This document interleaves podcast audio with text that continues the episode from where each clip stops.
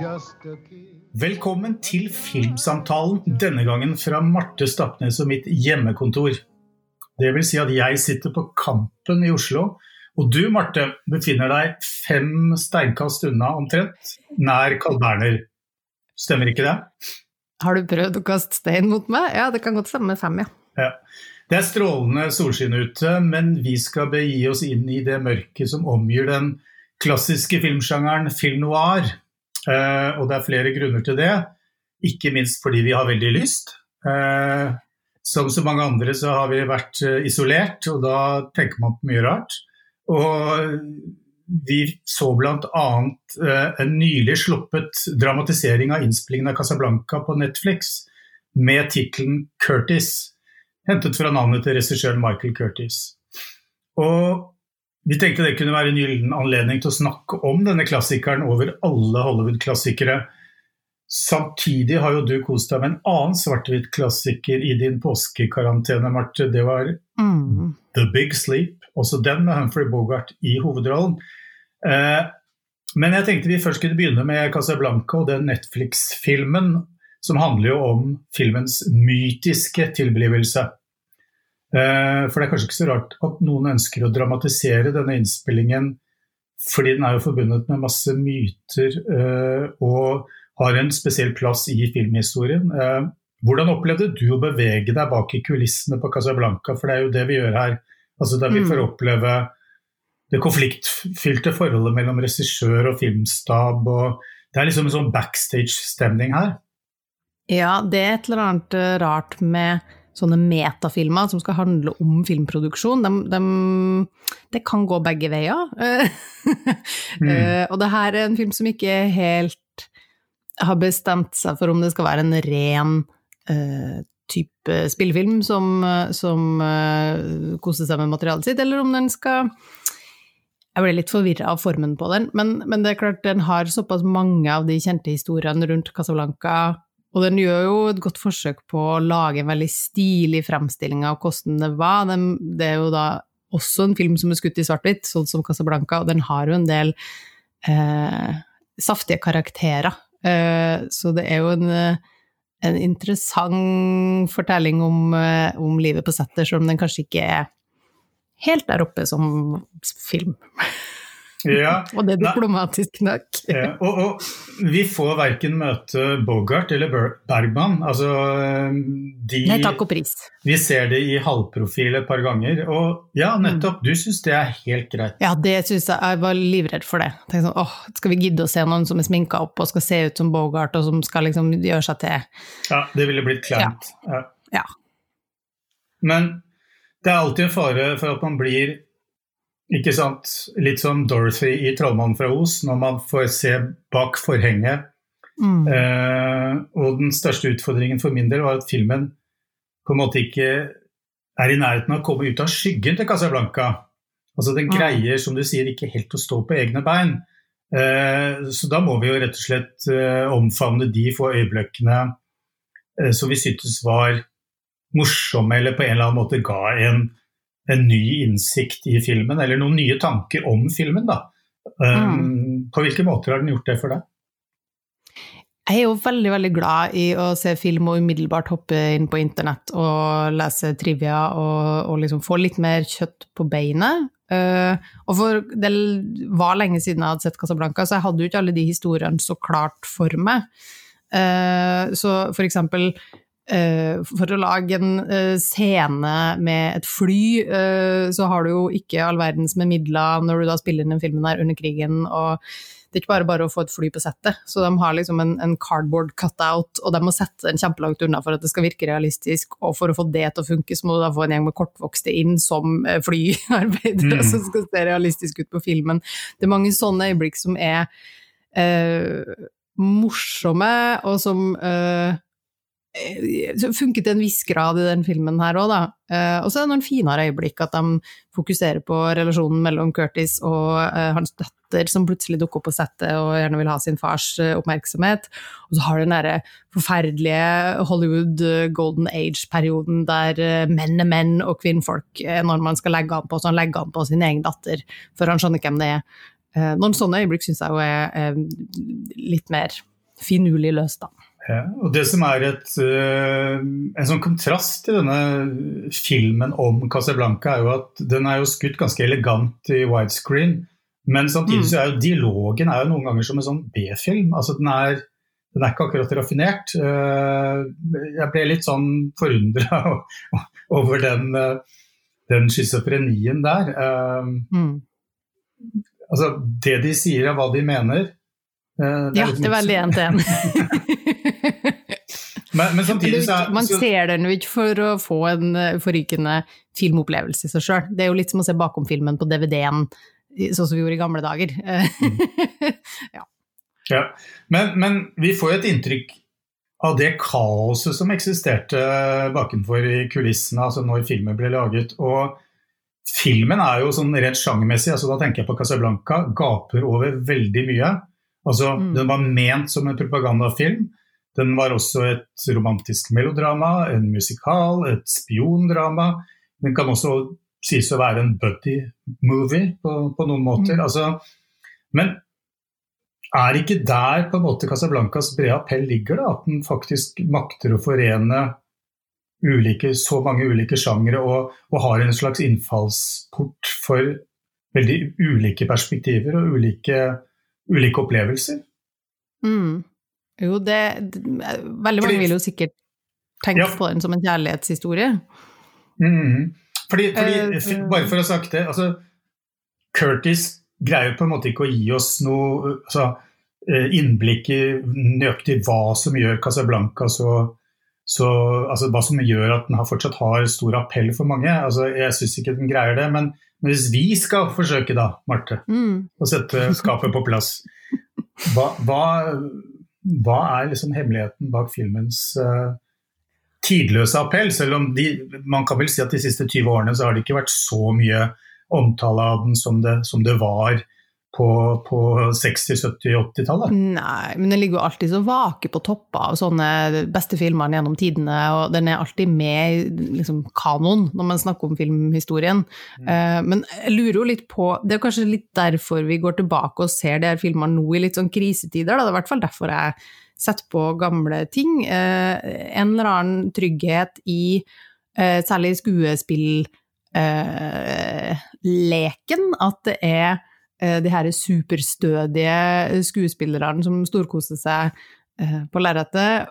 Og så tror jeg litt av sjarmen å ligge i det å vite at det var såpass kaos å lage ikke bare denne filmen, men kanskje ganske mye i Hollywood-studiosystemet. Det er jo et mirakel om noen av de filmene er i det hele tatt er severdige i dag, tenker jeg. Mm. For det er jo nettopp det litt sånn øh, vanskelig øh, å ta på nøyaktig hva er det som gjør at en Audrey Hepburn-film funker, eller en Bogart, eller en øh, Catherine Hepburn, for den del. Altså, eller Cary Grant, da. Ja, det, mm. det, er liksom snålt at det funker, men jeg tror det henger veldig mye, i hvert fall for min del, sammen med skuespilleren, om historien er veldig appellerende, eller om alt går opp til slutt. Det er liksom ikke så viktig. Det er den der star qualityen som uh, men, men, faller ikke filmskaperne av Curtis litt Går de ikke litt i fella når de, når de på en måte framstiller det som om det er et, det ene geniet som står bak denne filmen? altså regissøren Michael Curtis, mens det i realiteten var jo, og det kom jo fram for så vidt i filmen, at det var et ganske hjerteløst eh, hva skal vi si, produksjonssystem, altså hvor alt gikk på skinner og alt skulle skje smack, smack, smack. Mm. Eh, og, og, midt i dette maskineriet så oppstår det en, en mirakuløs film som Casablanca, som, som, på en måte er eh, overskrider alle sjangre og, og, nesten er umulig å kategorisere. At det, er, mm. det er et slags eh, ikke art by accident, men uh, art by the, the machine.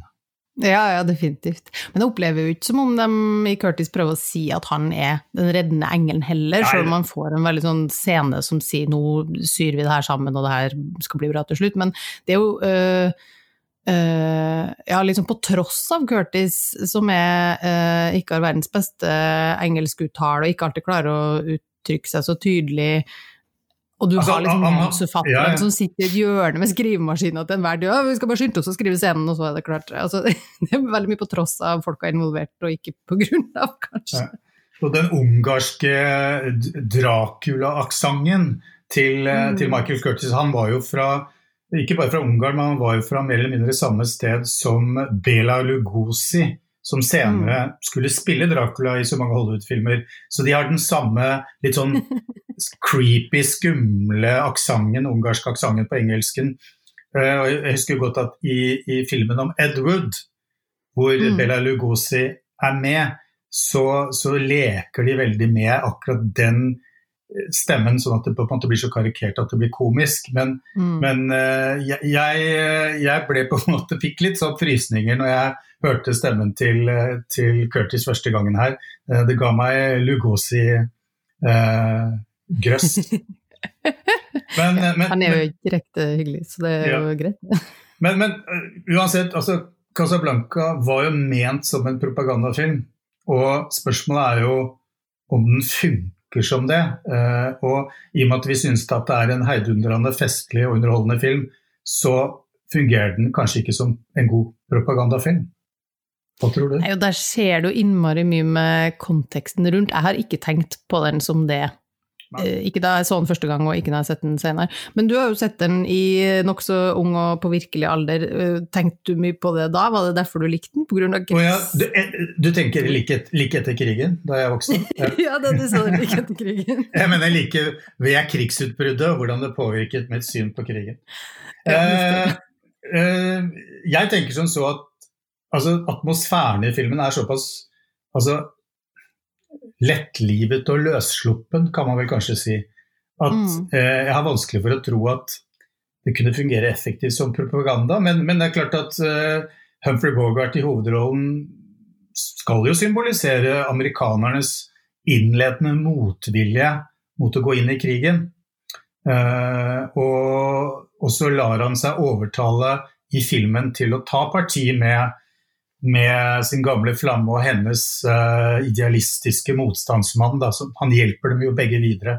Og da, og da, skulle det på en måte fungere som et lite løft for det amerikanske folket til å på en måte ta den beslutningen og bli med på de, de alliertes side i krigen. Da, vestmaktenes mm. side. Uh, om det fungerer som det, eller fungerte som det den gangen, gudene vet. Det kan godt hende indirekte, hva, hva vet jeg. Men, men som propagandafilm så den har i hvert fall ingen av de kjennetrekkene vi kjenner fra, fra det som er utpreget propagandafilmer fra annen verdenskrig. Nei. Nei, da tror jeg jo ikke vi hadde snakka om det nå. Nei. Eh, man kan sitte og snakke om Casablanca lenge. Eh, vi kunne f.eks. ha snakket om hvor, hvor mange one-linere den har, som fortsatt står støtt i, i populærkulturen og filmhistorien. Altså We'll always have Paris, play it again. I think this is the beginning of a new friendship, osv. Round up the usual suspects. Ikke minst. Yeah. Ikke minst. Mm. Så, eh, men hvor mye er det å si om det? Altså, bortsett fra at de hadde et knippe manusforfattere som var rett og slett jævlig gode. Mm. Ja, ofte så tenker man kanskje på denne filmer fra denne perioden som der historien og dialogen ikke nødvendigvis er gullkantet. Men, men det er jo det her, særlig Bogart sine one-liners, kanskje, som er eh, som gjør han som skuespiller, da. Du kunne ikke ha putta han i hvilken rolle som helst, eller hvilken sjanger som helst, men i de aller fleste ikoniske rollene han har, så har han den herre snakker litt sånn ut på sida av kjeften og kommer med de singersene sine. mm. det var veldig viktig for uh, ja, det, altså bare det at vi går og feilsiterer Casablanca uh, mm. er jo en, en, viktig del av mytebygginga rundt filmen, tenker jeg. Grunnen til at den har holdt seg så mye. Og så er det jo en, en liten morsomhet i filmen uh, som uh, har vært inngått i, i alle mytene og, og, historien rundt filmen. og Det er jo at Humphrey Bogart var atskillig mindre enn mm. Bergman. Mm og måtte gå på sånne høye Ikke bare platåsko som var høye, men altså det var plattformsko som var skyhøye for mm. å kunne kysse henne. Mm. Eh, og det får de med. Men jeg hadde, jeg hadde kanskje savnet flere sånne små detaljer eh, fra filmen, men eh, nå vel. Ja, det der tenker jeg at det kanskje er vel så gøy å liksom lese om eh, bakom historien uh, versus å dramatisere ja. den på nytt. Ja. Mm. Eh, en annen klassiker fra Hollywoods gullalder på 40-tallet er jo Howard Hawks' The Big Sleep, mm. som da også har Humphrey Bogart i hovedrollen. Og I den filmen så var han flankert av Lauren Bacall, som fikk sitt gjennombrudd der. Eh, du hadde da et gjensyn med filmen i påsken. Ja, det starta med eh, noe som er mye hjemme. Så passa det utmerket å ta fram du vet de her svære sånn samlede verker-bøkene eh, som ikke lar seg transportere på bussen. Har en sånn med Raymond Chanders eh, samlede, og da passa det bra å lese han. Eh, påskekrim og det hele. Og så ble jeg så i stuss, fordi jeg har jo sett uh, The Big Sleep for lenge siden, og man forbinder jo det med den filmen som alle sier sånn, det går jo ikke opp til slutt, det gir jo ikke noe mening, og det er jo en artig film, men, men sånn selve krimplottet er jo umulig å følge. Uh, og når jeg leste boka, så tenkte jeg hæ, det er jo kjempegreit, alt er jo godt forklart. Så da måtte jeg jo da sjekke ut filmen igjen, uh, og liksom sammenligne litt hva har skjedd i overgangen. Og det er jo en sånn interessant del av myte, mytebygginga rundt uh, uh, gamle klassikere. uh, mm. Og den herlige måten å putte historie på film på, der det er åpenbart at historien er ikke det vi har kommet for. Det kan gå i et forrykende tempo, og det går opp egentlig, hvis man har tid til å følge med, men, uh, men, det er jo ikke det man sitter og ser på. Det er jo Bogart og uh, Bacall som bare liksom draperes rundt den, som ja. er attraksjon. Nei, jeg husker heller ikke plottet og hvem som drepte hvem uh, i filmen. Uh, men altså, det man husker, i hvert fall jeg husker, er jo, er selvfølgelig altså, Bogart og Bacall som mm. på en måte altså, I filmen så er jo Bogart den klassiske hardkokte detektiven, altså Marlow, som Raymond mm. Chandler kalte ham. altså som faller for en av de der femme fatale-skikkelsene som kommer hans vei under etterforskningen. Og og det er jo dialogen og samspillet mellom Bogart og Bacall som er, som er forførende ved den filmen, eller var det. Eh, mm. Og um, vi vet jo ikke hva Eller det vet vi kanskje hva Ryman Chandler mente om den filmen. Uh, jeg vet ikke, altså Han var jo krimforfatter, og hva, hva, hva vil en krimforfatter mene om en film som til de grader gir blaffen i plottet? For det er jo denne, ja, historien, denne historien om at uh, når de drev og klippet filmen, så fant de ut at filmskaperne at ingen av de egentlig skjønte nøyaktig hvem som hadde drept hvem. Og de, som du sier, det gikk jo ikke helt opp. Men mm. De fant ut at det var like greit. Eller noe Historien sånt sier at, um, at, Howard Hawks uh, på et tidspunkt ringer til Raymond Chandler og sier du, hvem er det egentlig som dreper Owen, for det finner ikke vi helt ut av. Han kjører en bil ute i vannet, men hvem er det egentlig som står bak? Og så mm. tenker Raymond Chandler og sier jeg vet ikke. så uh, jeg tror jo uh, Raymond Chandler uh, ikke egentlig har så mye mot at, at krimplottet ikke er så lett å forstå i filmen, men samtidig så det er veldig fascinerende, syns jeg, at veldig mange Nå har jo Philip Marlowe blitt uh, gjort i utallige varianter, masse forskjellige skuespillere og hørespillere og alt mm. sånt der. Mm. Men uh, i bøkene så er jo uh, Marlowe ikke fullt så hardkokt som han er i liksom, populærkulturen når han har vært på film. Der er han en ganske ryddig type. Ikke er han en kvinnebedårer. Han er nokså mm. Han har så mye moral. Altså han driver ikke og prøver seg på klientene sine eller deres døtre eller Uh, han er en tvers gjennom solid type, og så kommer han til filmen, og så eh, får du da ikke lenger hans indre monolog, siden du bare mm. følger han eksternt. Uh, og fordi det er Humphrey Bogart, så kan jo ingen filmstudio uh, iscenesette han uten at det må Altså, de har jo aktivt tatt et valg i The Big Sleep at hver eneste dame som går forbi han bare kaster seg etter den. Så da får du jo mer å spille på sånn sett. Um, og det er jo det som er fascinerende her, og i løpet av uh, filminnspillinga, eller på et eller annet tidspunkt der, så er det jo en liten overlapp mellom uh, Bogarts uh, ekteskap og at han da uh, går over på Lauren McCall i stedet. Så alt det rundt er jo med å liksom piske opp at man leser alle scenene mellom dem så mye mer ja, det er jo masse innuendo og sånn der, men det er jo mm. ikke egentlig på papiret noe som, som er så grovt, eller alt passerte jo sensuren. Fordi i Raymond Chandlers eh, litterære univers så er jo, så er jo eh, Marlow en Han er jo en slags hvit ridder i, i mm. mørket, i, i, liksom i gatas uh, skitne virkelighet. Ja, ja, alle de korrupte politifolka og sånn, mens Marlow, he's your guy. Han vil følge saken, og han gir ikke seg før han finner svaret. Og Humphrey Bogart er jo også, liksom, når det kommer til stykket, rettskaffen. Selv om han er Det er bare det at han er så lakonisk og, og kul, Ja. som, som bidrar til at vi oppfatter han som eh, ikke bare en sånn kjedelig, moralsk rettskaffen mann. Han er noe Mm. mer. Eh, Ja. Og ja. Eh, jeg, bare kom, jeg bare kommer til å tenke på ikke? Det ble jo laget en ny versjon av, av Marlows eh, skikkelse i 1974 av Robert Altman, 'The Long Goodbye'. Og, Mm. der, og der er han jo forvandlet til en, en ganske ryggesløs, uh, prinsippløs fyr som riktignok finner finner en slags mening med livet i løpet av filmen, men, men der er han på en måte Der har de bare drept Marlow som en hvit ridder.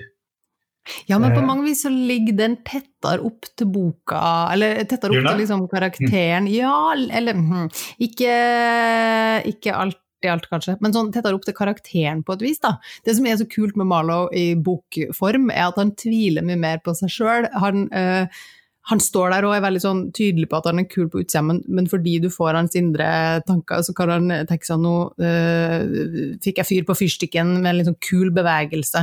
Det skjer jo Mm. aldri, men det gikk heldigvis denne gangen. Eller på et tidspunkt så skal han sette seg ved siden av en, en gammel, eh, respektabel dame, og så finner han ut at stolen hans sitter på altfor lav, så han må reise seg opp og finne en høyere en. Mm. Altså det er mye mer sånn menneskelig Mm. eh, Ja. Marlow er en ganske eh, fin fyr i bøkene, mens på film så er han mye mer eh, renskåret og artig litt mer svart-hvitt.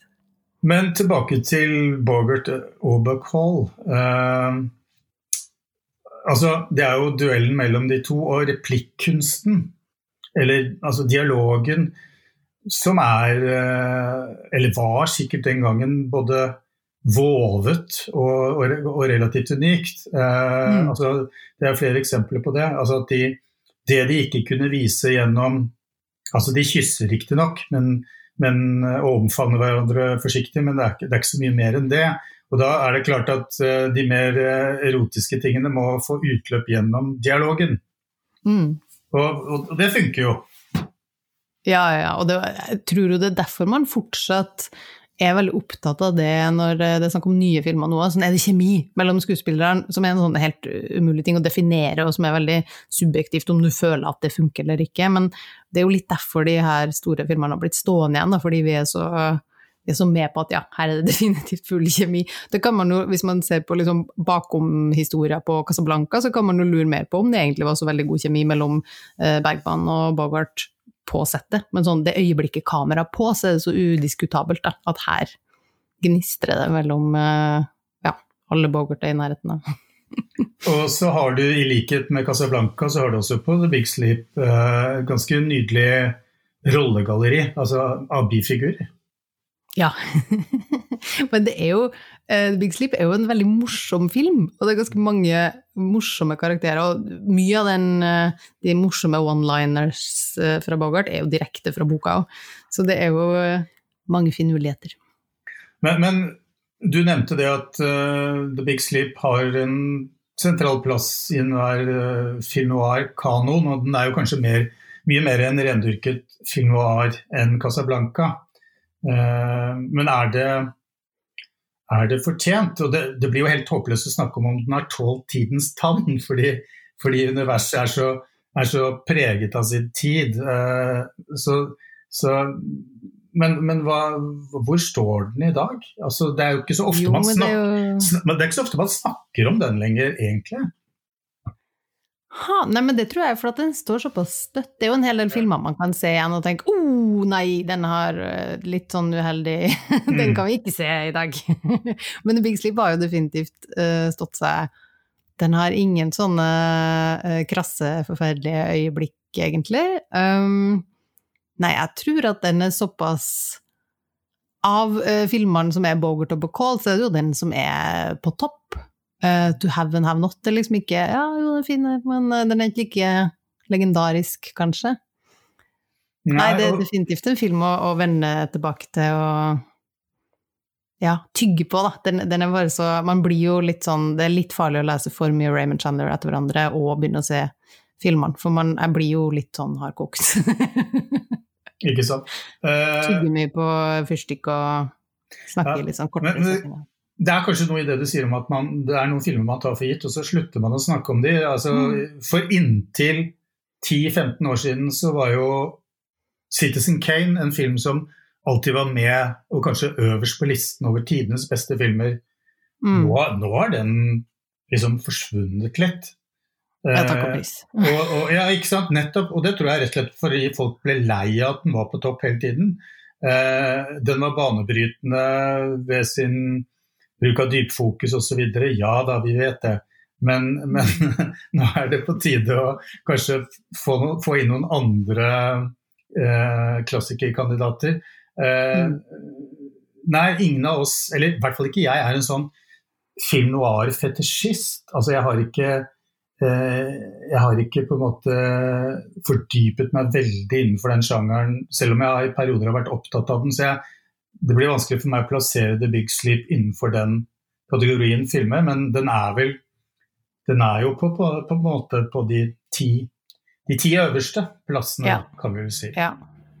Men det er jo nå litt mer uh, populært å komme med sånne uh, kjempeobskure uh, Her er grunnen til at den filmen du aldri har hørt om, egentlig er den beste i hele filmhistorien. Og så er det bare for å få fylt spaltene med et eller annet. Mm. men jeg tror det er vanskelig å kakke ned Big Sleep fra, fra tronen sånn med det første, da, om det ikke er den aller, aller beste. Men jeg tror grunnen til at man ikke fordyper seg så mye i film noir nå, at den er jo liksom ferdig tenkt, kanskje. Uh, mm. Du kan alltids gjøre morsomme film noir-spoofs, eller putte litt av det sammen med andre sjangere. Men uh, ja, jeg merker Vi trenger ikke liksom Vi skal ikke begynne å remake alle dem, altså. Det, det holder. Jeg syns det var en uh, grei måte å avrunde her på. Ja. nå merker jeg at det er en eller annen utenfor vinduet mitt her som driver og fyrer opp en eller annen sånn drill. En grill? Og drill, ja, drill. uh, så det kan bli litt bråkete her, hva vet jeg. Men uh, ja, så kanskje vi, skal, kanskje vi skal rett og slett call it a day? Hva tror mm. du? Ja, vi skal prøve å bli mindre nostalgiske fremover, da, kanskje. Og ja. ikke bare leve i fortiden. Nei. Det høres ut som et uh, pragmatisk motto. da takker vi for oss for denne gangen. Mm. Marte Stapnes og jeg, Kjetil Ismold. brings as time goes by. Sam, I thought I told you never to play.